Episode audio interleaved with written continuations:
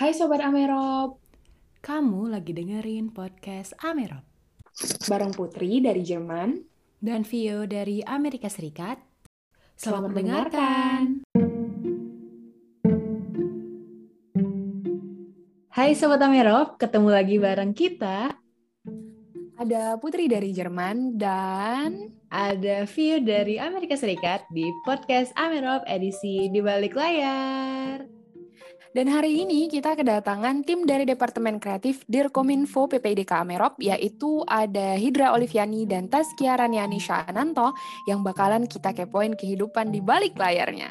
Yeay. Oke oke oke. Kita mulai perkenalan dulu kali ya nih Put dari mungkin Boleh, kita boleh, panggil narsum pertama kita yaitu ada uh, Kak Hidra Oliviani. Halo Kak Hidra. Halo Vio, sama Putri, apa kabar? Hai. Hai. Kita baik-baik. Kak Hidra baik-baik kan nih? Wow, baik-baik, Alhamdulillah.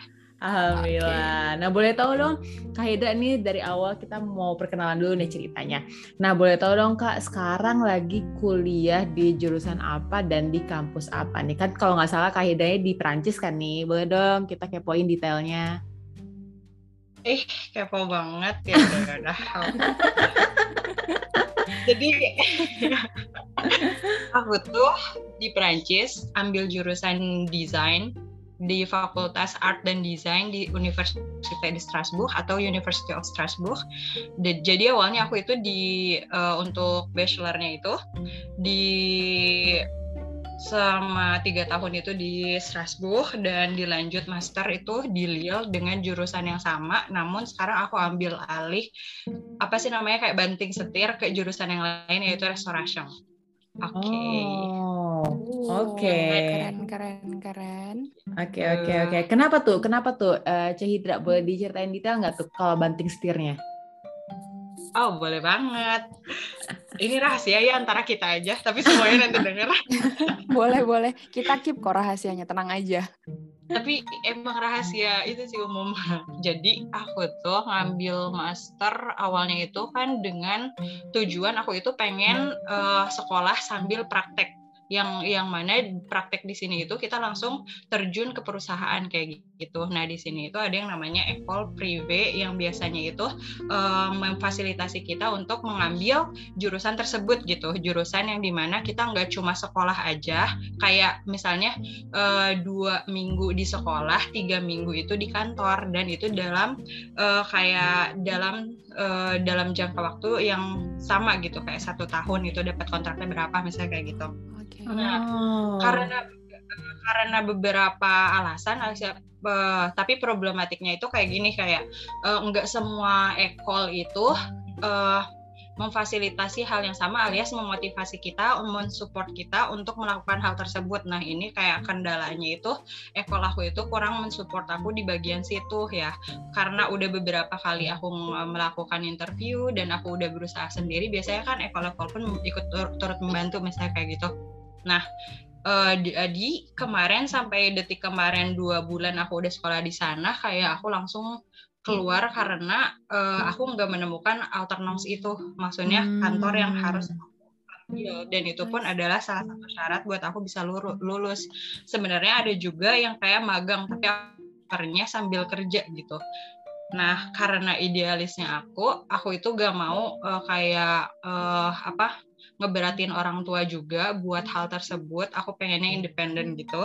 Jadi aku sambil menunggu kayak sambil nyari-nyari dan aku nyari solusi lain dan akhirnya kayak aku nemuin nih tawaran di bagian restorasi dan ini pun sama kayak eh, satu hari di sekolah buat jurusan ini dan eh, sisanya itu empat harinya itu di restorasi ini gitu. Jadi aku langsung sekalian terjun ke bagian chef gitu di dapur. Dan selama itu menguntungkan dan bermanfaat dan aku juga suka passion aku itu di dua hal itu. Jadi aku ambil yang ini gitu.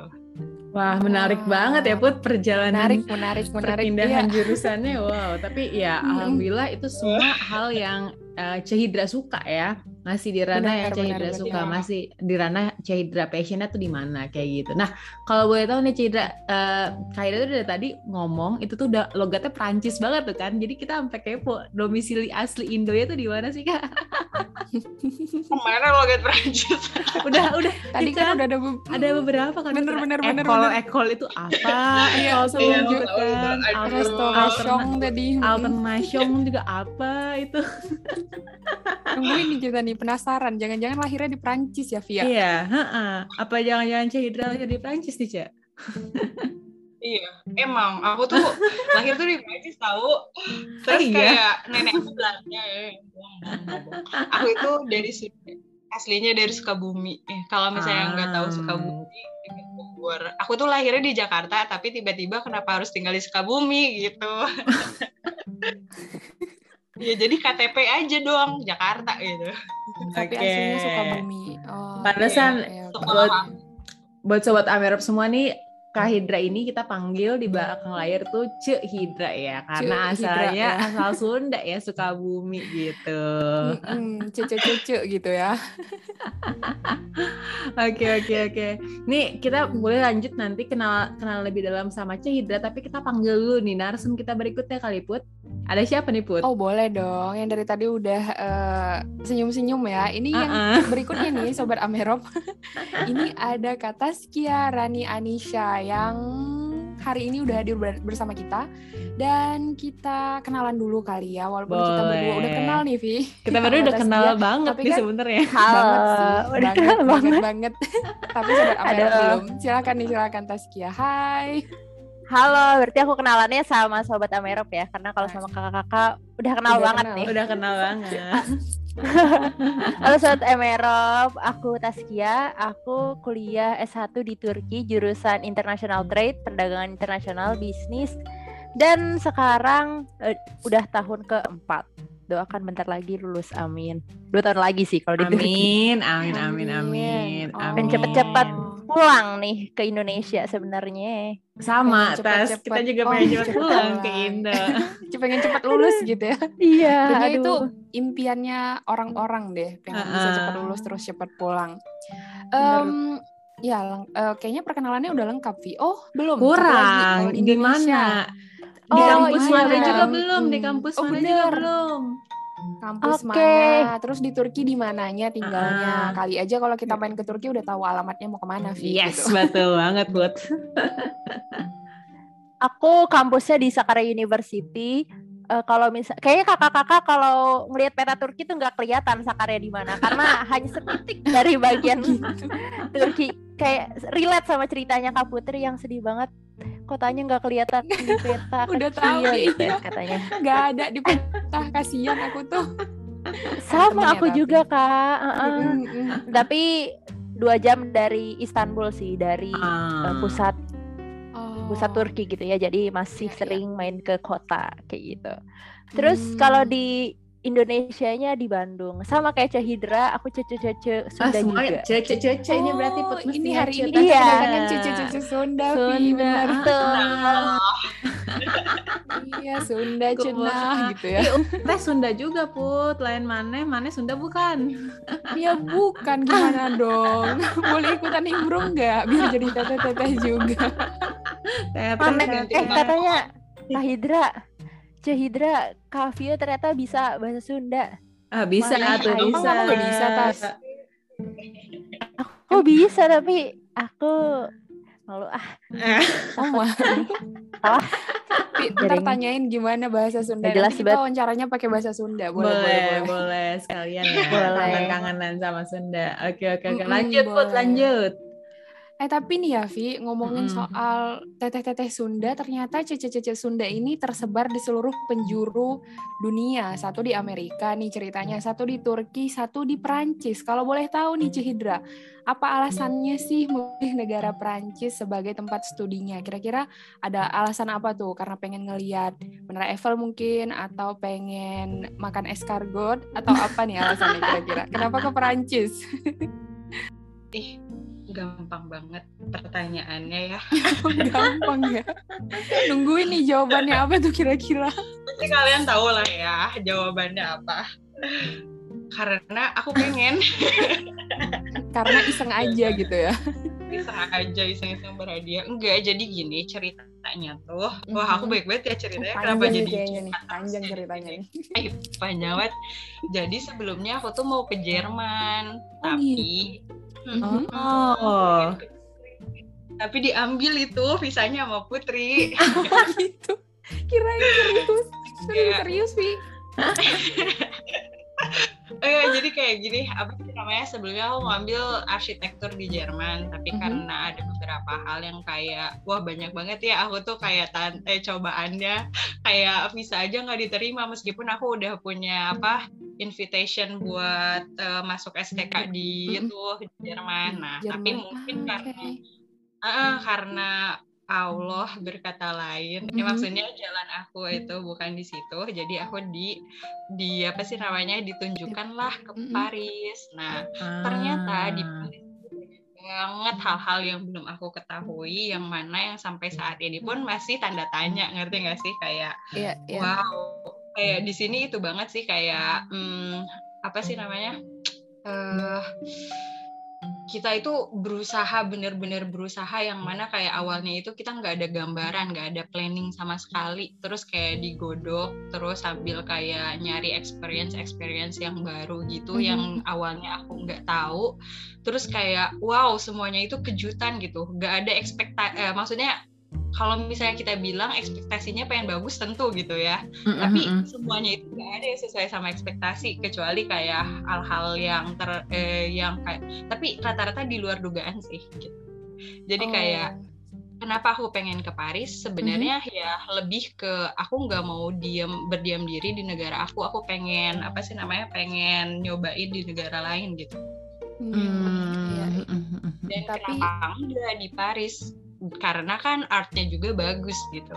Dan itu kayak salah satunya juga di Universitas Strasbourg itu yang mana aku ngincar banget eh, apa sih namanya jurusan art dan art dan desainnya bagus. Dan juga kayak di sana di kota pelajar itu kayak wow itu kayak eh, ngasih insight baru gitu loh buat aku untuk belajar di sana. Dan sampai sekarang jadi kayak aku belum ada niatan pulang ke Indonesia masih haus akan in- eh, apa sih namanya belajar Kan di luar negeri. ilmu gitu ya. Wah luar Wah, luar biasa. Put. panutan kita ini Vi Ini bakal jadi Tapi orang Prancis jati nih. loh. Nah itu. ini berkat organisasi. Oh, berkat organisasi. Mantap, Ya, mantap, mantap, mantap. minum aja dulu ilmunya banyak-banyak ya ya udah sekarang mau lanjut kita sekia tunggu dulu jangan buru-buru Kok kok hostnya jadi Cehindra, Aku seneng kok dengerin Cahidra cerita.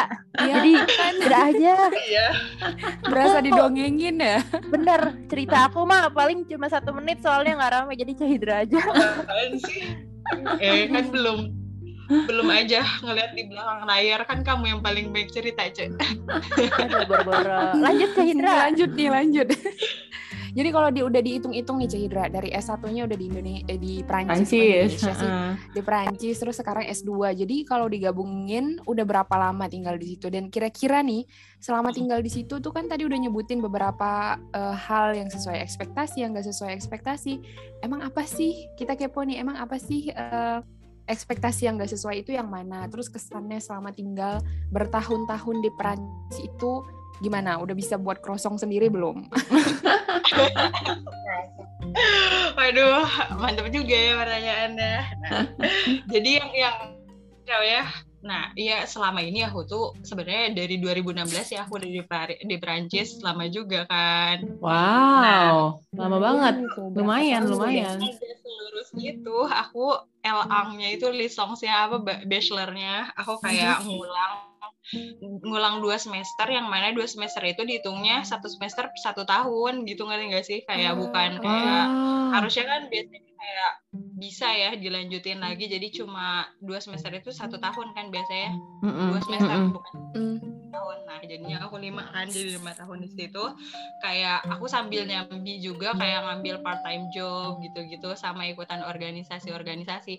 Sebelumnya nah kenapa ada hal yang gak sesuai sama ekspektasi? Kirain ekspektasi aku itu aku bakalan lulus dalam jangka waktu tiga tahun itu gitu. Dan aku pulang ke Indonesia Uh-uh. Aku pengennya tadi ya pengen langsung pulang ke Indonesia dan berbakti kepada ibu Ibu Pertiwi. kepada negara. Ya.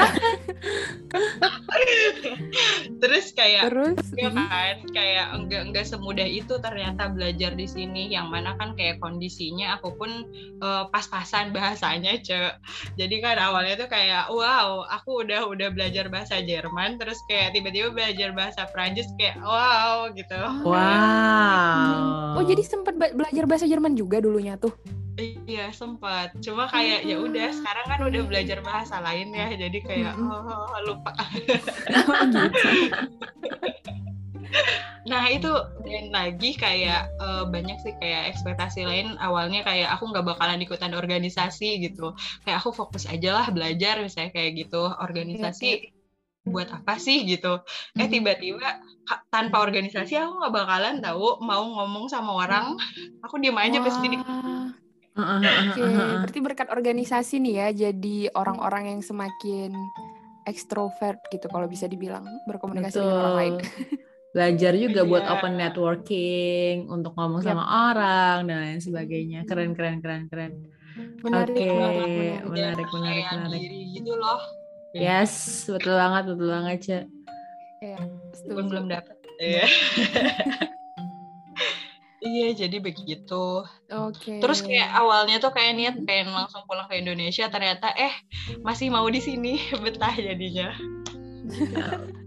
lama-lama jadi orang Prancis nanti. Kayaknya nih ya, Jadi lama-lama nih. Jadi target Hmm. long term goalnya mungkin stay di Prancis nih, kayaknya nih, Nah, Cahidra bisa nih. jadi. Bisa jadi nih kalau dilihat-lihat ya Via. Betul. Pokoknya kita tandain, kalian ke sini.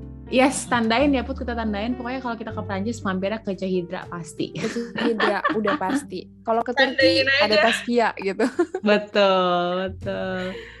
Jadi kepo juga nih cerita Taskia Vi gimana ya kira-kira ya Via? Nah iya betul banget nih. Tadi kan kita udah bahas uh, perjalanan, cile perjalanan uh, karir Cahidra di Prancis gitu kan. Dari Mhm. awalnya S1, S2, terus sempat pindah jurusan juga. Tapi betah kayaknya nih ya di Prancis. Nah jadi kepo nih kalau Kelihatannya Taskia. gitu sih. Kelihatannya betah ya, kelihatannya. Kalau Taskia nih Tas, kamu kenapa sih Tas milih kayak tadi international trade kan ya kalau nggak salah nama jurusannya? Nah, dan Betul, kenapa betul. milih di, i- jurusan itu dan specifically di Turki? Boleh dong diceritain sama kita? Sebenarnya eh, kalau masalah jurusan itu dari psikotes sih. Namanya aja S1 ya masih meraba-raba pengennya apa dulu. Aku pengennya sebenarnya dulunya dokter, tapi oh, oke. eh, dibilang kata psikotes aku malah nyebrang banget. Aku cocoknya di desain, graphic design terus apa-apalah yang gambar-gambar. Tapi aku nggak Ah. mau ngerasa itu cuma hobi doang, nggak mau dijadiin Mhm. karir gitu. Terus dicari titik Ah. tengahnya katanya tuh ya emang bisnis gitu yang make teori tapi make juga eh, kreativitas ide Ah. ide bisnis gitu jadi Iya, ya udah kita coba bisnis eh tahunya Ah, ah. agak di luar ekspektasi juga sih aku kan dari IPA awalnya jadi Oh, benar-benar ngulang dari awal Oke, oke, oke, oke, oke, oke. Hmm. Kebayang, Jadi kebayang. nyebrang banget ya? Nyebrang Hmm. banget, Jadi lumayan nyebrang. sih. Tapi kan kalau misalkan ya bisnis itu juga bener sih yang tadi kata Taskia ya Put ya. Jadi bisa combine secara seimbang lah ya, kayak Benar, benar. teori, Iya. praktikal, terus tadi juga uh, desain, art segala macam juga bisa di-combine di Ya, situ. setuju. Nah, kenapa Hmm. Turki nih, Tas? Nah kalau Turki nih kayaknya semua orang nggak tahu semua orang yang pengen di kuliah di luar negeri itu awalnya milih Jerman ya aku juga Oh aku pun iya? awalnya pengen ke? Jerman kayak gitu kayaknya Wow, Semua populer sekali sepertinya Jerman ini ya. bener, bener kayaknya populer banget Kok kita kayak kebetulan gitu ya?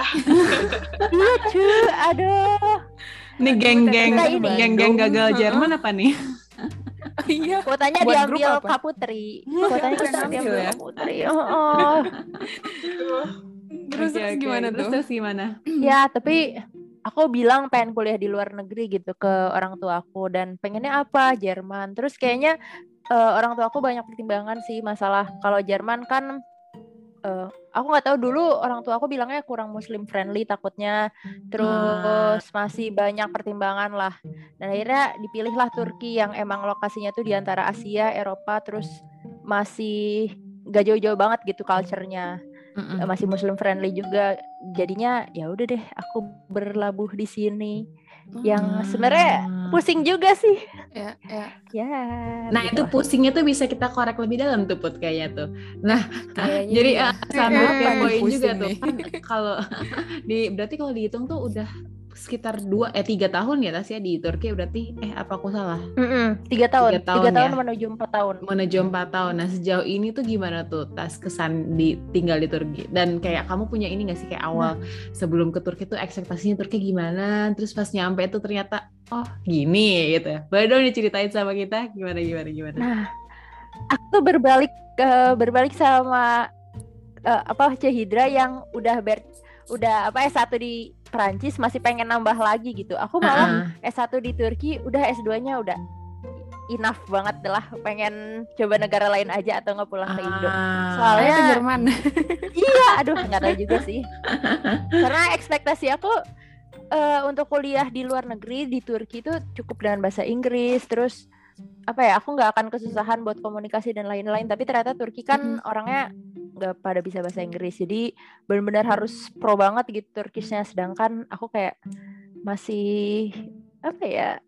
kurang kurang nyaman juga gitu Ah, apa, oke. ngomong pakai bahasa Turki gitu gitulah Oke. agak struggling di pelajarannya. Terus aku juga mikir awalnya Turki itu rada foreigner friendly gitu, tapi ternyata mereka nggak terlalu interest malah jadinya aku kayak struggling sendiri bersama teman-teman Indoku. Oh, ya ampun. Gitu lah. Ah, Oke, tapi itu ada pengaruh ini nggak sih Tas kayak pengaruh kota besar juga atau karena kota kamu bukan di Istanbul bisa gitu? jadi. Atau gimana kira-kira? Kayaknya kalau misal di Istanbul orang-orang yang bisa bahasa Inggris lebih banyak kali ya daripada di Ah, ah, ah, Iya, ya. Bisa kota jadi. aku. Tapi di kota aku tuh univnya termasuk yang bagus juga di Turki. Harusnya mahasiswa-mahasiswanya tetap bisa bahasa Inggris. Bahasa dong. Tapi Inggris. Hmm, mm, Heeh, yang Iya, aku iya. jumpai tidak Nggak kurang semuanya ya. lah. Heeh. Jadi pelajaran pakai 100% pakai bahasa sini, ngobrol setiap hari pakai bahasa sini. Emang harus sih aku beradaptasi, cuma Iya. kayak pasti usahanya ya. aku tetap ingin menangis ya nggak sih? Kak I Putri, feel you, Tas. I feel you. Pasti mengerti itu I kan. feel you, Iya. ya. Paham Ya udah kalian. tapi itu juga tahu ekspektasi bahasa ya. Oh aku iya. pikir semua orang di sini pakai bahasa Sunda, ternyata pakai bahasa Perancis tahu. Ya iya dong. Aduh, Teteh gimana sih? Teh Hidra. Ada Nah, aku suka Maze. Kak Hidra juga pasti eh, kuliahnya pakai bahasa Prancis kan, tapi bisa survive tuh kayak gimana gitu. Bisa senang sama negaranya tuh gimana? Aku kayak penasaran. Apalagi Kak Putri Justru juga. itu karena itu menantang banget tahu. Hmm. Jadi Oh iya. kayak, wow, segini aja aku kayak aku belum bisa problem solving sampai benar-benar aku puas gitu loh. Kayak belum ada kepuasan dalam Ah, I see. Oh, belajar. itu Tapi oke. Iya, iya. Itu mental yang harus ditanamkan ke aku kayaknya, tapi kayaknya kamu transfer mental. mental itu. Iya. Dan gitu, Cel. Berarti kalau Aduh. versi Cehidra eh, dijadiin tantangan yang harus ditaklukin. Kalau aku sih lebih ke belajar mencintai, mencintai Yes. bahasanya maksudnya gitu. Sama Oke. sih, Kirain self love. mencintai bahasanya orang-orangnya. Ya. Oh iya. Iya, Kulturnya gitu ya. Ya, mungkin mungkin Taskia bisa nih Tas lanjut S2-nya di Amrik mungkin kan kan pakai bahasa Inggris. Aduh, amin banget. Amin banget Kak Vio ya Allah ya amin ya rabbal alamin. Tapi kayak aku melihat sih Taskia sejauh ini dari eh, Instagram dan sosial media terlihat happy tinggal di Turki. Ah, Happy. itu dia. Nah, itu dia. Happy sih. Eh, kayak Setiap ujian aja pengen nangis sini sekarang. Doakan aku nih besok. Oh, lagi semangat, lagi. Semangat, Oke, oke, kelasnya ya. Semangat semangat semangat. Oke oke oke. Ini seru banget ya Put obrolan kita Banget, eh, banget, di banget. segmen ini nih hari ini nih bersama narasumber-narasumber kita. Nah, mungkin habis ini kita bisa lanjut kepoin gimana karir organisasi kali ya buat Cehitra dan Taskia dan juga karir di balik layarnya mereka berdua di PPIDK Amero. Hai Sobat Amerov, nah balik lagi nih kita bakal lanjut kepoin tentang narsum-narsum kita kehidupan dan nih Put yang kayak bakal seru banget nih kalau kita kepoin lebih dalam nih. Wah iya dong, aku udah gak sabar Vi, udah kepo banget sama bintang tamu teteh-teteh berdua yang dari Bandung ini ya. Udah kepo lanjut banget. tanyain aja. Nah kita Hmm. kita tadi kan udah kepoin tentang kehidupan uh, Cahidra dan Taskia dari milih jurusan, terus kenapa tinggal di negara, milih tinggal di negara tersebut dan kesan kesannya tinggal di negara tersebut. Nah sekarang nih kita mau kepoin tentang karir organisasi, Cile karir organisasi. Kan main. karir banget, bukan Karir nggak main, tuh? karir Mm-mm. Bud. Nah mungkin kita bisa kepoin pertama dari Cahidra Boleh, nih. boleh. Cahidra, mungkin kita boleh tahu nggak nih, Ce, eh, waktu perjalanan dari S1 sampai sekarang di Prancis, S2 di Prancis juga, pernah ikut organisasi apa aja nih, Ce? Jadi Cahidra tuh dari Sukabumi, cewek bukan dari Bandung. ya udah. Iya lupa. Tapi Sunda, aja bisa Sunda, nggak apa-apa. teteh-teteh. Teteh-teteh Sunda. heeh. Gak apa-apa, gak apa-apa. Pas nggak pernah salah. Dikonfirmasi dong, mohon maaf. Apa-apa. Jadi gini, oh karir ya. Aduh, aku tuh Karir organisasi. karir. Ih tadi Cahidra sampai bilang loh ya Put ya di awal kan bisa bertahan di Prancis gara-gara organisasi. Ya. Berarti, gara-gara organisasi anak organisasi banget nih kan. bang. Ya, makanya kita Padahal keluar enggak. Iya. Ih Cahidra, Cahidra jangan jujur-jujur banget Cahidra. Aku pernah jujur. enggak.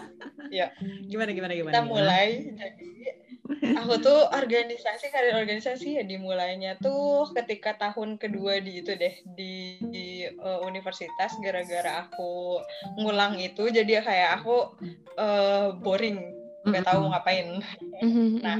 Eh, dari situ pun kayak aku mulai nyari-nyari part time kerjaan terus mulai menyibukkan diri gitu tapi sebenarnya eh para eh, maksudnya ini kayak suddenly gitu loh tiba-tiba oh organisasi gitu kesentil tapi sebenarnya dari awal pun meskipun aku nggak ikutan organisasi aku sering banget ngebantu yang kayak acara-acara yang berhubungan sama organisasi tersebut gitu PPI Alsas Oh.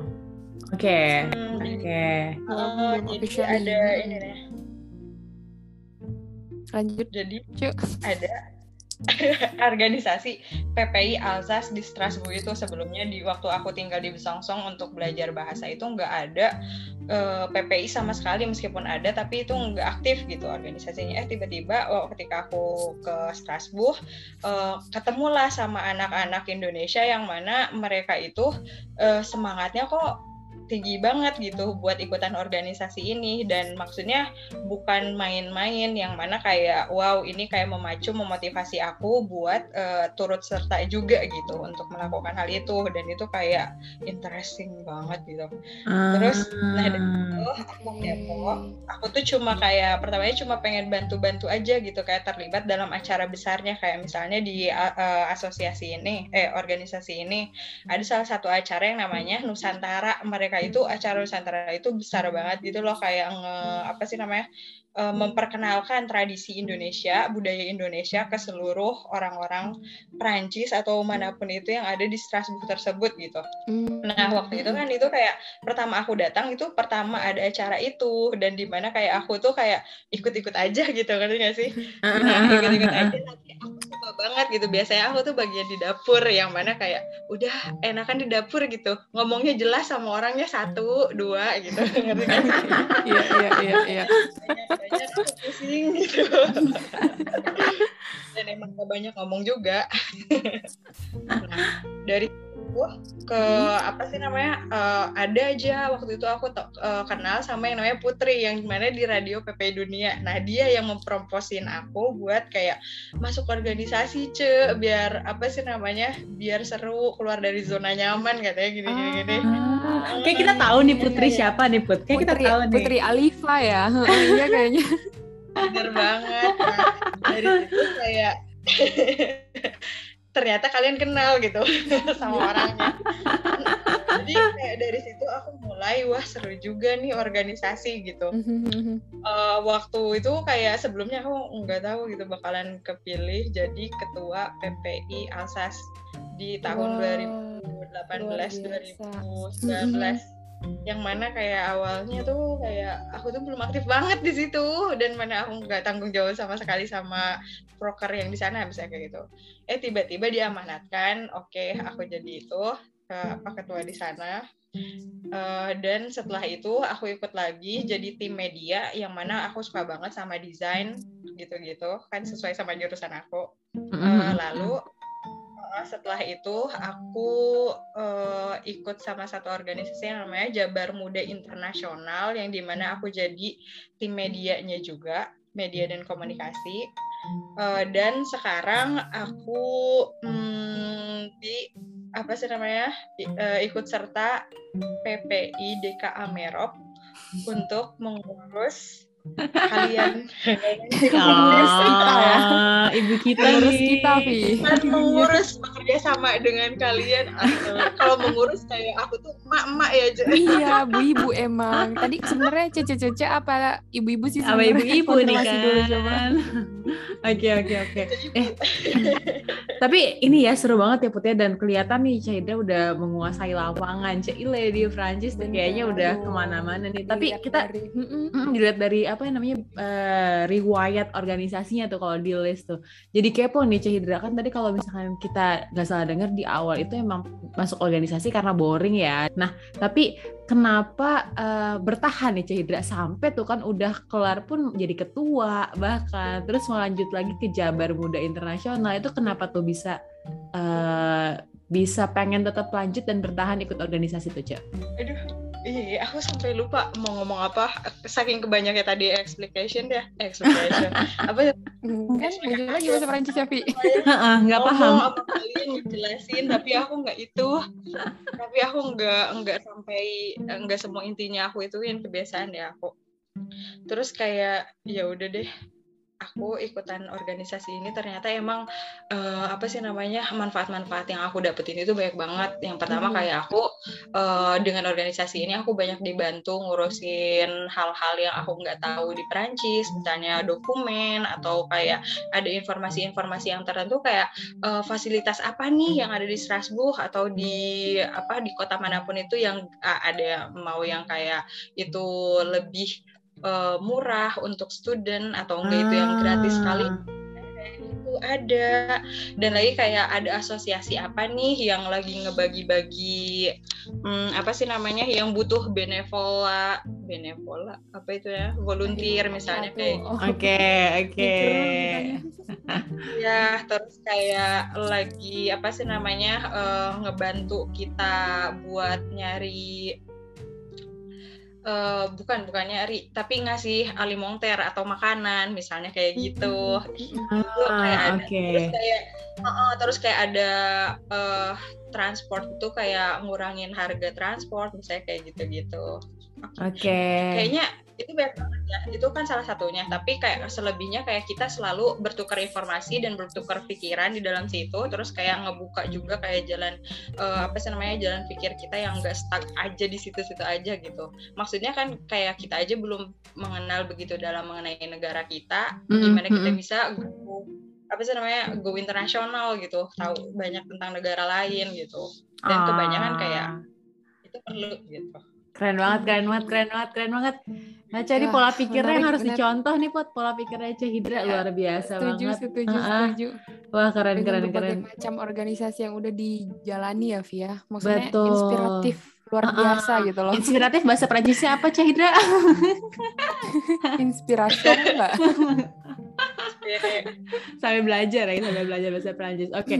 Nah tadi udah cerita tentang organisasi-organisasi yang uh, Cahidra udah sempat ikuti tuh di Prancis. Nah sekarang uh, Cahidra menjabat sebagai Kepala Departemen Kreatif di Direktorat Komunikasi Media dan Informasi PPDK Amerop. Nah kalau boleh tahu nih Cahidra alasan uh, Cahidra mau gabung ke PPDK Amerop dan mungkin Cahidra nih kalau nggak salah baru join PPDK Amerop atau udah join sebelumnya nih Cak kalau boleh tahu? Oh, kok kalian tahu sih aku jadi Wah, harus dong bos kita, itu. Kan bos kita. Kan yang mengurusi kita. Masa nggak tahu? gitu. Jadi gini, aku tuh belum pernah ikutan PPID Amiro. Oke. Oke. Okay aku yang kayak uh, ngajuin gitu. Jadi kebanyakan sih aku ikutan organisasi itu karena diajuin sama orang kayak ini ada tawaran buat ini gitu organisasi. Tadinya kayak aku nyari organisasi apa ya gitu tiba-tiba uh, sebelum aku nyari tadinya mau aku nyari eh tiba-tiba ada tawaran gitu ngerti gak sih? Mm-hmm. Jadi kebayang, kayak, kebayang, oh, kebayang. menarik nih uh, dan kayak tawarannya pun di uh, sesuai bidang yang kayak enggak jauh dari apa yang aku inginkan gitu. Oh, ngerti ya, gak sih? Ya, ya. Jadi kayak masih ada lah ya gitu mm-hmm. dan, dan kayak mm-hmm wow apalagi PPI DKM Merop yang mana kayak itu itu bukan PPI wilayah lagi atau PPI negara tapi kayak uh, beberapa negara ada di sana gitu dan lagi kayak yeah. wow seru juga kayak uh, ini level baru nih gitu ngerti gak sih jadi kayak wow aku tertarik banget. Terus kayak ngelihat kalian yang kayak mana uh, ins inspiring banget ya anak-anaknya itu kayak oh siswa-siswa berprestasi. Terus kayak apa sih namanya uh, tujuan hidupnya juga udah jelas misalnya kayak gitu. Wadidaw berat ya. Kayaknya uh, nggak 100% bener deh kalau di aku. Iya, sama di aku juga kayaknya aku masih sama, mencari. Apalagi aku. Tuh kan tes kayak masih mencari jati diri ini kan rata-rata bener. di sini. Bohong banget, nggak percaya. Oke oke. Okay, Berarti gara-gara rekomendasi ya Cahidra join PPDKM keren banget sih. Emang rekomendasi lah orang list riwayat organisasinya udah seabrek gitu Cahidra ya Put ya. Tuh hmm, dari ujung ke ujung ketua uh -uh. PPI loh. Betul. Nah, cerita boleh dong Cak dideskripsikan sedikit Cak kalau di PPD KFR kan jadi kepala departemen kreatif. Nah, itu tugasnya ngapain itu Cak? Departemen kreatif itu jadi kayak tugas kita itu uh, apa sih namanya? Lo kan jadi lupa apa yang udah mau mikir, mikir. Iya namanya departemen kreatif ya pasti kayak kita itu sebagai uh, orang yang uh, kayak konten creator gitu loh konten creator apa yang bakalan kita ituin dan kayak ngebantu tim tim komunikasi informasi dan komunikasi di uh, PBD KM Maropino untuk uh, kayak men memberikan informasi yang bagus dan menarik yang mana kayak ngebantu kita juga yang sebagai orang-orang yang di balik layar untuk uh, mengeluarkan inspirasi-inspirasi mereka. Dan kayak kenapa di bagian kreatif ini? Karena kan sesuatu hal yang kayak uh, orang enggak semua orang bisa gitu. Enggak semua orang itu sekreatif itu dan sama kreativitasnya gitu. Jadi kayak kita di sini bisa uh, kayak itu kita itu ditantang gitu buat kayak ngasih konten-konten uh, yang bisa diberikan kepada orang-orang layak dikonsumsi dan itu pun bermanfaat. Itu sih yang paling luar biasa main. Temuan main ini dari itu kelihatan ya sobat Amerop semua Cahita mendeskripsikan uh, tanggung jawab beliau di ketua yeah, di kepala yeah. departemen kreatif dari Kominfo dengan uh, mengkolaborasikan visi misi juga PPDK Amerop di situ kan. Luar biasa ya dirangkum semua jadi satu. semuanya. Nah tadi uh, thanks banget Cahidra buat penjelasannya. Dan kita mungkin bisa lanjut kepoin Taskia nih Put. Gimana nih Put kalau Taskia Put? oh boleh boleh boleh boleh. Kayaknya nih ya Halo. feeling aku Vi. Tas ini juga gak kalah menarik sih riwayat Pasti. organisasinya kayak teteh-teteh yang aktif di mana pun gitu betul, ya. Betul, betul. langsung tanya aja nih. Kalau Taskia nih Tas. Boro-boro kan jawab dulu. Gak percaya kita, gak usah percaya sobat Amerop semuanya. Kalau Taskia ini kira-kira pernah ikut organisasi apa aja sebelumnya? Sebelum gabung di sini. Terus uh, alasan ikut organisasi itu apa di tengah padatnya kuliah di luar negeri dengan struggle yang ada tadi gitu. Betul, Kita betul. kepo nih. Jujur li. kalau aku sih karena apa ya? Uh, sebenarnya organisasi aku nggak banyak apalagi kalau di Turki ya. Cuma pernah ya ikutan PPI Turki aja. Hmm. Terus beneran itu aja kalau misalnya di Turki. Terus ikutan sama Radio PPI Dunia bareng Kak Vio sama Kak Putri juga nih selaku host podcast eh, host podcast apa sih? Host iya. podcast kita sekarang.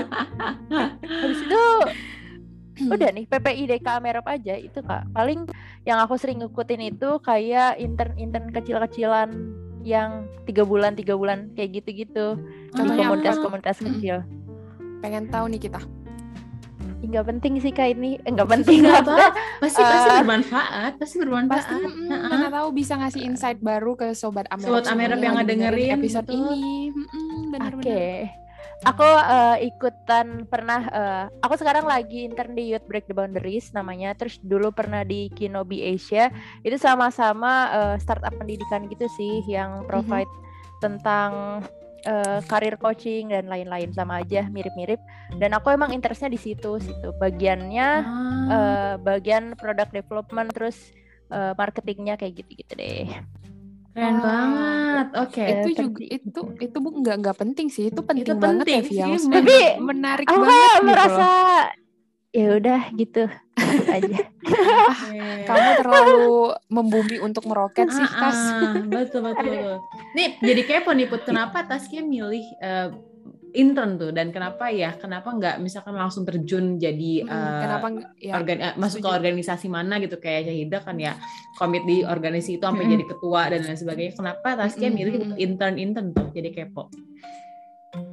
Nah kalau aku ya uh, kadang aku masuk ke organisasi atau ke komunitas kayak gitu tuh uh, cita cita-cita cita-cita lagi. Keinginan aku tuh uh, adalah untuk bergaul sama orang-orang yang lebih pinter gitu yang di atas aku. Jadinya aku ikut bawa aku pengen delete gitu bukan ngelid atau ya, ya. ya seneng sih kalau misalnya uh, di organisasi bareng yang seumuran gitu-gitu. Tapi aku ngerasa ada yang kurang aja gitu. Gak banyak yang aku dapetin. Harus kita harus cari sendiri. Misalnya bareng kakak-kakak yang keren-keren nih di PPIDK Amerop aku dapat insight banyak banget gitu. Baru satu bulan aja langsung dapat ini itu. Ya istilah pokoknya. Ternyata itu alasannya Vi kenapa Taskia nggak mau maju jadi ketua PPI Turki. Loh. Oh loh. Loh loh loh terus ceritanya nih setelah tadi dibalik uh, intern-internnya Taskia yang udah dijalanin apa alasannya? Atau gimana sih bisa gabung di PPIDK Amerop terus um, ya itu dulu deh. Alasannya kenapa gitu. Alasannya adalah sebenarnya sama kayak Hidra di ajakin. Sebenarnya aku DM Kak Putri duluan kan. Wah itu gimana cara daftarnya? Gitu.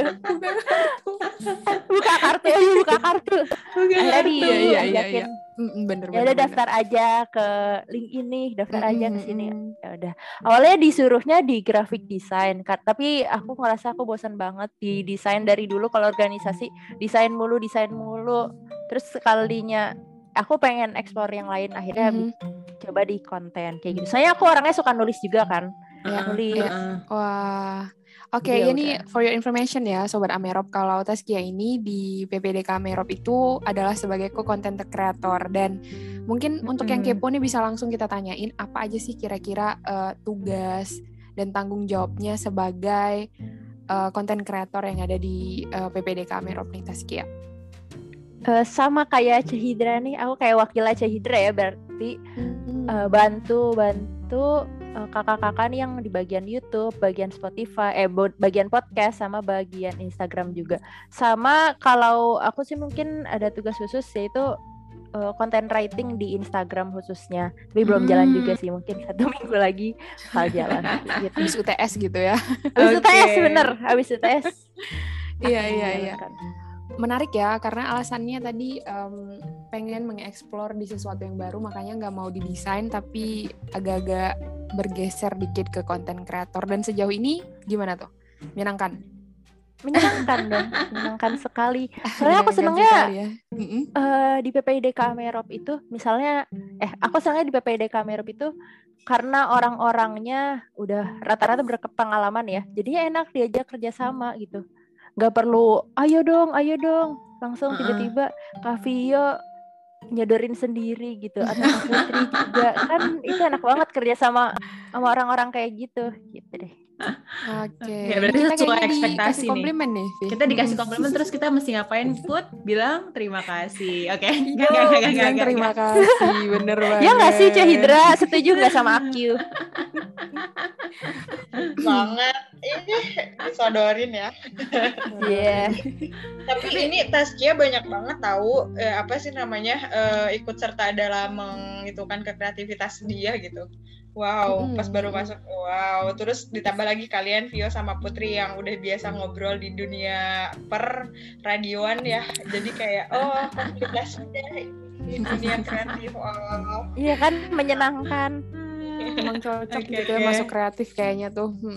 Menarik Oke, banget ya oke. Via ceritanya ya. Parah kacau Nggak seru kerasa. banget seru banget tuh gak kerasa. Soalnya tadi aku juga kalau Nggak misalkan kerasa. bisa ngambil intisari dari versinya Cahidra ikut organisasi dan dari versinya Taskia ikut intern-intern tadi nih bermanfaat banget sih buat sobat Amerop yang ngedengerin pasti. Setuju, setuju, setuju. Soalnya Tapi biar di, kayak yang di luar negerinya biar nggak cuma belajar aja gitu kan, Belajar tapi dapat dapat input yang lain gitu dari bersosialisasi, dari yang terlibat dalam project-project yang bermanfaat pastinya dan apalagi kalau emang intern-intern atau ikutan project kolaborasi yang bermanfaat buat Indonesia kan keren banget tuh. Wah, iya itu dia setuju. Walaupun kita jauh beribu-ribu kilometer, tetap aja ya berbakti pada Ibu Pertiwi gitu ceritanya. Wah, Harus harus harus. luar biasa, luar biasa, luar biasa. Gak kerasa nih, Sobat Amerop kita udah berada di penghujung eh, ngobrol-ngobrolnya kita. Betul. makasih banget nih sama cerita-ceritanya mereka berdua ya, Vi ya, bintang tamu kita yang keren-keren. Setuju, setuju banget. Tapi nih, Vi, sebelum Kenapa, kita kenapa undur Put? diri, Uh-uh. mm, boleh kayaknya ya kita eh, nanya ke Kahidra dan ke Taskia juga untuk mereka ngasih kita tuh pesan dan ke, ya pesan sih untuk sobat Amerop juga, untuk kita berdua juga.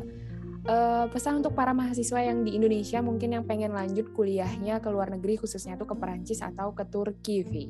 Boleh, boleh banget, boleh banget. Supaya ini Hmm. targetnya memotivasi sobat Amerop buat ini kan mungkin lagi ada yang struggling uh, atau lagi persiapan Nah, sekolah atau mm-mm. mungkin lagi bingung uh, juga dan mungkin punya ketakutan kayak tadi ketakutan di awal Cahidra dan Taskia mau keluar ke luar negeri seperti apa mungkin boleh nih dikasih pesan yang mungkin bisa memotivasi kita semua sebagai sobat sobat Amerop biar berani untuk keluar negeri dan untuk menginjakkan kaki di negara-negara tersebut Setuju. Mungkin kita mulai dari Cihidra dulu deh, boleh Cihidra. Pesan. boleh boleh boleh Jangan pesan bakso ya. Aduh, pesan bahasa dong. Eh, aduh, aku pengen ngapain kalian tapi disuruh ngirim pesan ya udah deh. Jadi pesannya buat kalian yang mau atau enggak mau pergi ke luar negeri untuk studi untuk melanjutkan studi kalian. Aduh, kok jadi serius gini? Apa-apa serius dong. mode serius mode oke Mm.